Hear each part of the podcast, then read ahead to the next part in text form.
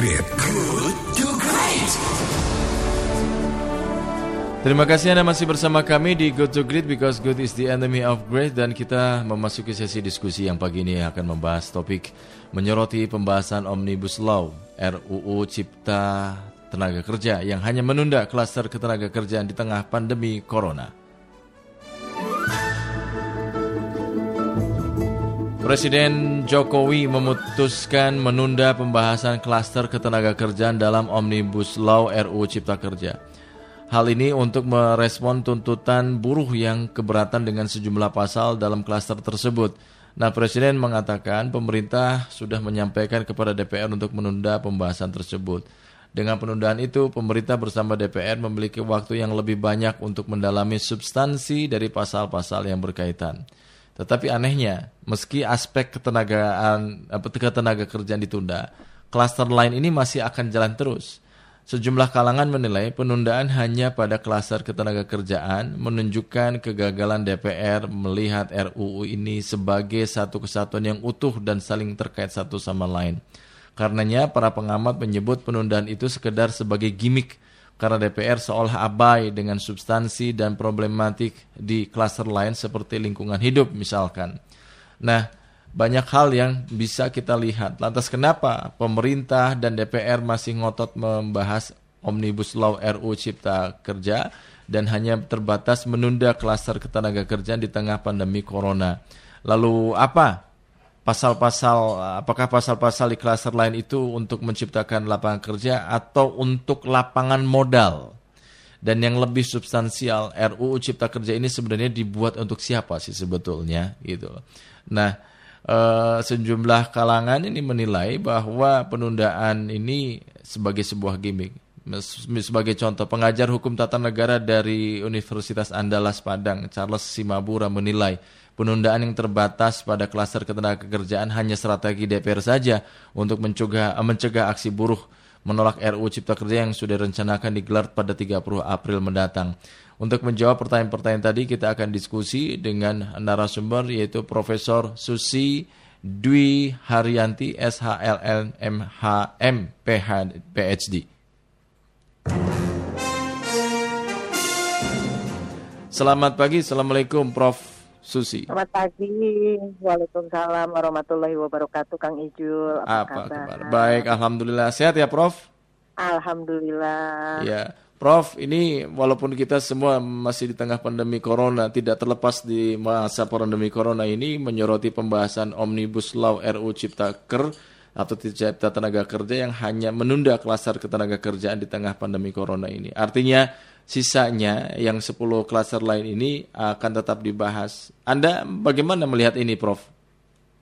Uh, terima kasih, sahabat Daylight. Saya melihat apa yang telah ditetapkan oleh Presiden Jokowi bersama-sama dengan DPR memperlihatkan sebuah tindakan atau sebuah uh, perbuatan di dalam penyelenggaraan negara yang sangat tidak sensitif hmm. pada kondisi-kondisi yang sulit saat sekarang ini, hmm. di mana uh, perhatian itu tertumpah pada bagaimana kita menanggulangi COVID-19. Hmm. Uh, kita mengetahui bahwa di dalam pembentukan uh, undang-undang khususnya itu tidak hanya tunduk pada aturan-aturan yang diatur di dalam Undang-Undang Dasar dan juga aturan-aturan yang ada di dalam Undang-Undang uh, Nomor 12 Tahun 2011, hmm. tetapi juga harus didasarkan pada nilai-nilai etik, nilai-nilai moral. Menurut saya adalah tidak etis uh, membahas sebuah rancangan undang-undang yang masih mempunyai uh, berbagai uh, lubang-lubang ya, hmm. lubang-lubang di dalam materi muatannya. Oleh karena itu, saya berpendapat bahwa seharusnya DPR dan Presiden itu mempunyai kehendak bersama hmm. untuk menghentikan pembahasan rancangan undang-undang yang masih syarat permasalahan ini. Hmm. Demikian Mas iya. Kalau kalau kita lihat bisa nggak Prof dibilang bahwa ini hanya sebatas uh, ya gincu kosmetik aja, gimmick gitu Prof karena DPR abai dengan substansi lain dan juga problematik di klaster lain. Misalkan so contoh soal uh, klaster lingkungan hidup gitu loh, Prof. Anda melihatnya gimana? Iya betul. Jadi saya melihat bahwa apa yang dilakukan oleh pemerintah ini merupakan reaksi saja gitu ya. Hmm. Jadi sebuah keputusan yang bersifat reaksioner. Tetapi hmm. kan reaksioner ini hanya ada atau hanya ditujukan pada klaster ketenaga kerjaan. Klaster-klaster yang lain seperti yang tadi Kang Ijo sampaikan, misalkan lingkungan hidup, hmm. kemudian juga ada klaster yang berkaitan dengan pemerintahan daerah, kemudian yeah. perizinan dan lain sebagainya. Hmm. Itu merupakan klaster-klaster masing-masing klaster itu ada masalah. Hmm. Gitu. Jadi masalah itu bukan hanya pada klaster ketenaga kerjaan dan ketika presiden menyatakan tidak akan membahas untuk klaster ketenaga kerjaan, menurut saya ini adalah suatu sikap yang reaksioner gitu ya, hmm. hanya untuk mengakomodasi agar buruh tidak melakukan aksi pada hmm. tanggal 1 Mei tersebut dan hmm. mengabaikan persoalan-persoalan yang lainnya. Hmm. Nah, kalau nah, kalau kalau Anda melihat ini apakah hanya uji coba saja, ah, coba saja dulu yang klaster ketenaga kerjaan uh, ditunda tapi yang lain tetap dibahas. Tapi begitu ada uh, protes lagi baru ada penundaan untuk klaster yang lain gitu, Prof. Ini kalau hal tersebut terjadi, maka itu menunjukkan bahwa baik uh, pembentuk undang-undang, baik pihak pemerintah maupun DPR tidak mempunyai sebuah konsep yang utuh, tidak mempunyai sebuah konsep yang komprehensif Hmm. dalam uh, rancangan undang-undang cipta lapangan kerja ini atau cipta kerja ini. Kalau kita berbicara mengenai pembentukan undang-undang, itu kita tidak hanya bicara mengenai materi muatan apa yang harus diatur di dalamnya, hmm. tetapi juga kita harus memperhatikan bagaimana prosedur pembentukannya. Hmm. Rancangan rancangan undang-undang ini sudah mempunyai masalah pada prosedur pembentukan dari mulai tahap di pemerintah. Hmm. Ini yang uh, kemudian menimbulkan uh, kritik yang luar biasa dari masyarakat bahwa seakan-akan perancangan uh, ketentuan ini dilakukan secara sembunyi-sembunyi. Hmm. Masyarakat itu baru dapat mengakses rancangan undang-undang ini ketika rancangan ini diserahkan kepada DPR. Hmm. Tetapi ketika rancangan ini masih berada di tangan pemerintah, masyarakat itu tidak dapat mengakses Mm-hmm. Padahal dalam ketentuan Undang-Undang Nomor 12 tahun 2005, uh, 2011 bahwa akses itu itu harus dapat uh, dilakukan bukan hanya pada saat rancangan undang-undang itu diserahkan kepada DPR, mm-hmm. tetapi juga ketika masih pada tahap perancangan gitu. Mm-hmm. Dan ini dia uh, uh, apa uh, uh, bertentangan dengan asas-asas pembentukan undang-undang atau asas-asas pembentukan peraturan perundang-undangan hmm. yang diatur dalam pasal 5. Hmm. Hmm. Salah satu asasnya adalah keterbukaan. Yeah, yeah. Hmm. Dan arti keterbukaan itu adalah pembentukan peraturan perundang-undangan mulai dari perencanaan, penyusunan, pembahasan, pengesahan atau penetapan dan pengundangan yeah. itu bersifat transparan dan terbuka. Betul, betul. Jadi mulai dari perencanaan. Hmm. Jadi yang saya katakan uh, rancangan undang ini tidak hanya bermasalah dari hmm. aspek materi muatannya, hmm. tetapi juga dia bermasalah dari aspek prosedur. Prosedurnya udah bermasalah, oke. Okay. Nah, uh, kelihatan ini mesra sekali ya hubungan antara pemerintah dengan uh, eh, DPR. Dan menurut dalam konteks ini gitu ya, uh, Prof. Menurut analisis Anda di tengah menghadapi uh, pandemi corona, kenapa ya pemerintah dan DPR ini masih tetap ngotot membahas Omnibus Law RUU Ciptaker ini. Padahal kan sejumlah kalangan sudah menolak dan publik pun ya. berharap pemerintah DPR lebih betul. fokus pada pandemi corona ini gitu, Prof. Betul. Ada apa sebetulnya Anda melihat ini? Ya, uh, salah satu uh, hak yang ada dalam hak asasi manusia, ya terutama prosedur yang berkaitan. Ini kan semua berkaitan dengan prosedur ya, Mas ya. Iya, yeah, iya. Yeah. Karena prosedur pembahasan gitu ya. Hmm. Salah satu as, uh, hak asasi itu adalah hak untuk didengar. Mm-hmm. Jadi rakyat itu mempunyai hak untuk didengar, kemudian dia juga mempunyai hak untuk menyatakan keberatan. Yeah. Nah, ketika uh, banyak sekali elemen masyarakat yang menyatakan keberatan, mereka minta untuk didengar mm-hmm. oleh DPR dan pemerintah, mm. tapi DPR dan pemerintah bersikukuh untuk melanjutkan, maka tidak dapat dihindarkan pasti akan ada purba sangka purba sangka Yeah. dari berbagai elemen masyarakat. Kenapa sih ngotot banget gitu ya Hmm. untuk membahas? Hmm. Oleh karena itu muncul pertanyaan rancangan undang-undang ini sebetulnya untuk masyarakat Hmm. atau untuk siapa? Hmm. Hmm. Jadi Iya, kan iya. kita perlu mempertanyakan itu. Hmm. Nah, saya ingin mengutip quote yang dikemukakan oleh Carl Sagan. Carl Hmm. Sagan itu adalah seorang humanis dari Hmm. Amerika, dia ahli astronomi Amerika. Hmm. Dia mengatakan bahwa extraordinary claims Hmm.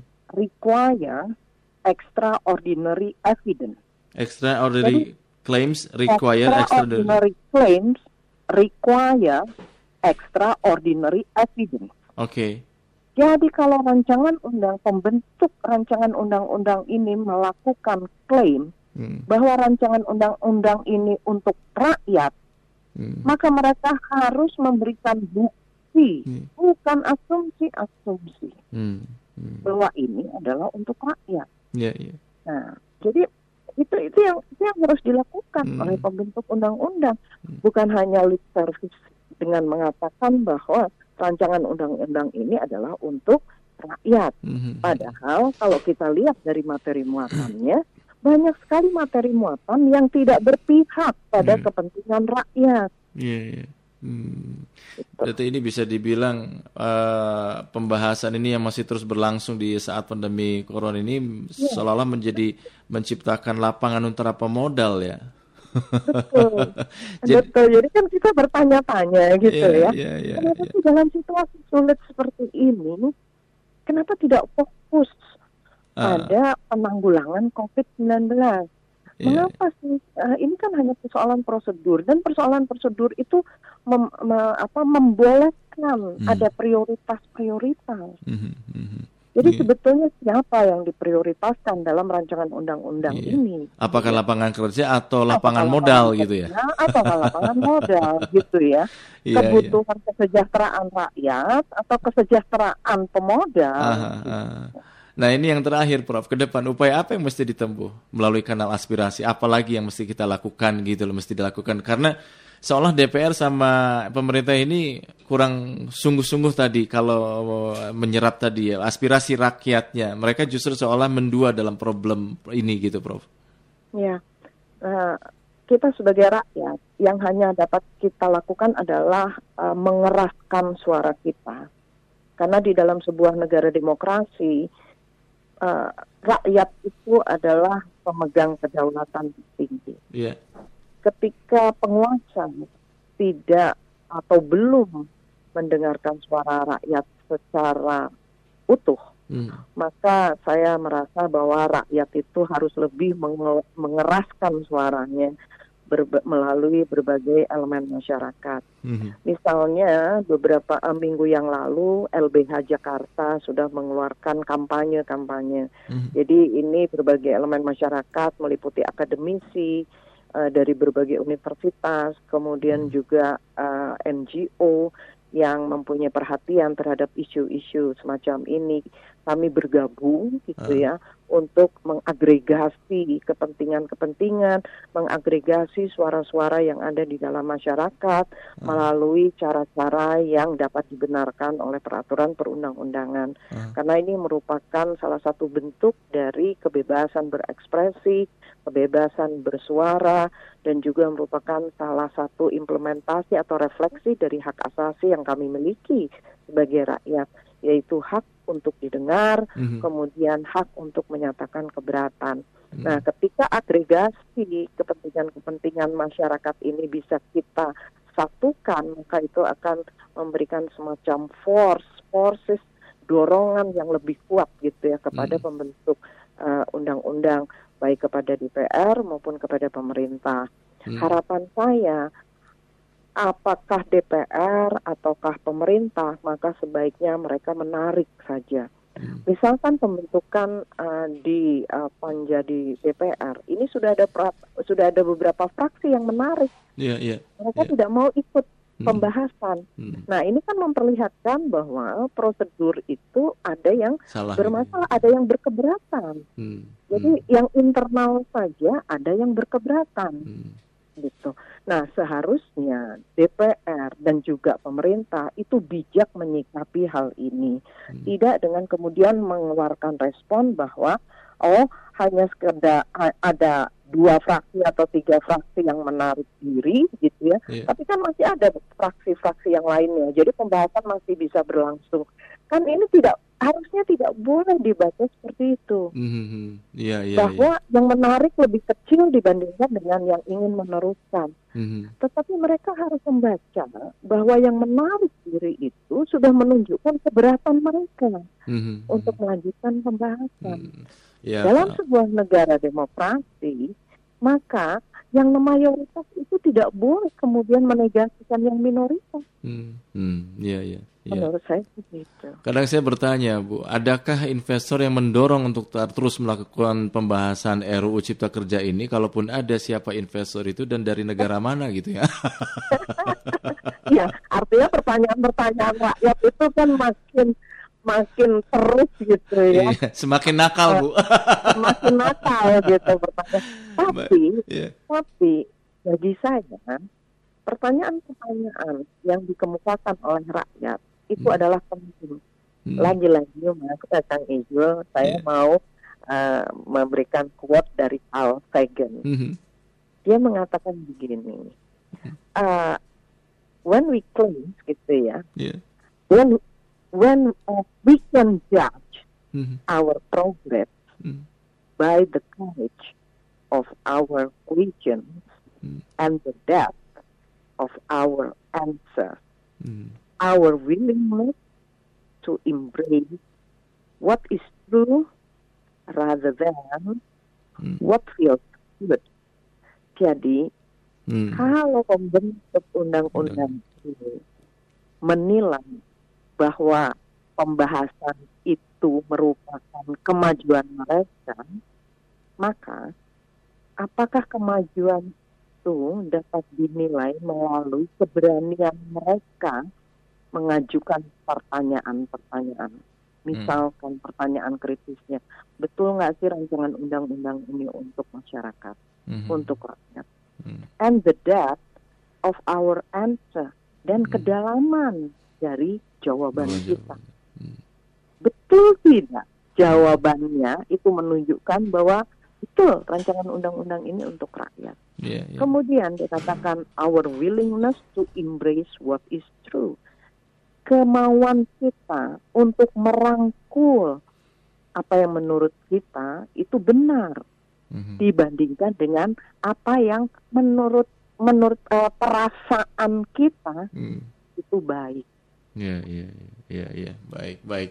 Prof, terima kasih sekali waktunya kita ngobrol-ngobrol pagi ini. Sebenarnya waktunya kurang ini, Prof, kita bincang-bincang. baik, baik. Terima kasih, Prof. Tetap sehat. Ya, selamat pagi. Assalamualaikum warahmatullahi wabarakatuh. Waalaikumsalam ya. warahmatullahi wabarakatuh. Demikian sahabat kelait Profesor Susi Dwi Haryanti SHLM MPhD, Kepala Departemen Hukum Tata Negara Fakultas Hukum Universitas Pajajaran Bandung.